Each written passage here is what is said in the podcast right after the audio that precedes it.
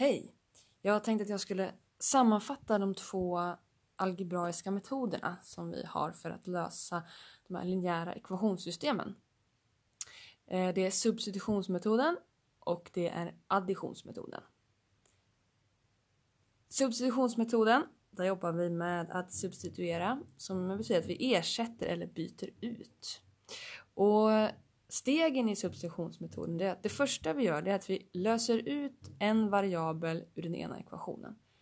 Eh, ibland så är ju en variabel redan ensam som vi säger, alltså den är, vi behöver inte lösa ut en variabel men vi kan behöva lösa ut en variabel ur den ena ekvationen så det är första steget. Det andra steget det är att vi ersätter variabeln i den andra ekvationen med det uttryck som vi har fått fram när vi löste ut variabeln i den första. Eh, då får vi en ekvation med bara en variabel och den ekvation löser vi. Lösningen till den ekvationen den sätter vi in i valfri ursprunglig ekvation, alltså någon av de två ursprungliga ekvationerna och så löser vi även den och när vi har gjort det så har vi fått eh, fram vår lösning på ekvationssystemet som består då av eh, ett värde på två variabler. Additionsmetoden. Eh, det är som det låter, vi kommer jobba med addition och vi jobbar med addition ledvis, alltså vänsterled med vänsterled och högerled med högerled. Och när vi jobbar med additionsmetoden så det första vi gör är att vi jämför de två ekvationerna och vi undersöker om koefficienterna framför den ena variabeln har samma siffervärde men motsatt tecken. Och samma siffervärde med motsatt tecken det kan till exempel vara att den ena ekvationen har 4x och den andra ekvationen innehåller minus 4x.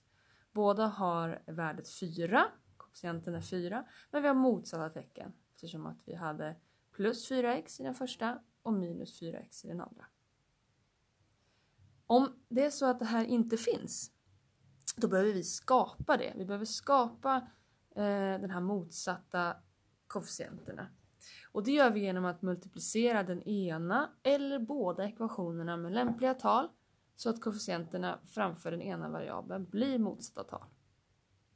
Så säg att vi i den första ekvationen har 2x och den andra har minus 4x ja då kan vi multiplicera den första ekvationen med 2 så att vi får plus 4x i den första och minus 4x i den andra.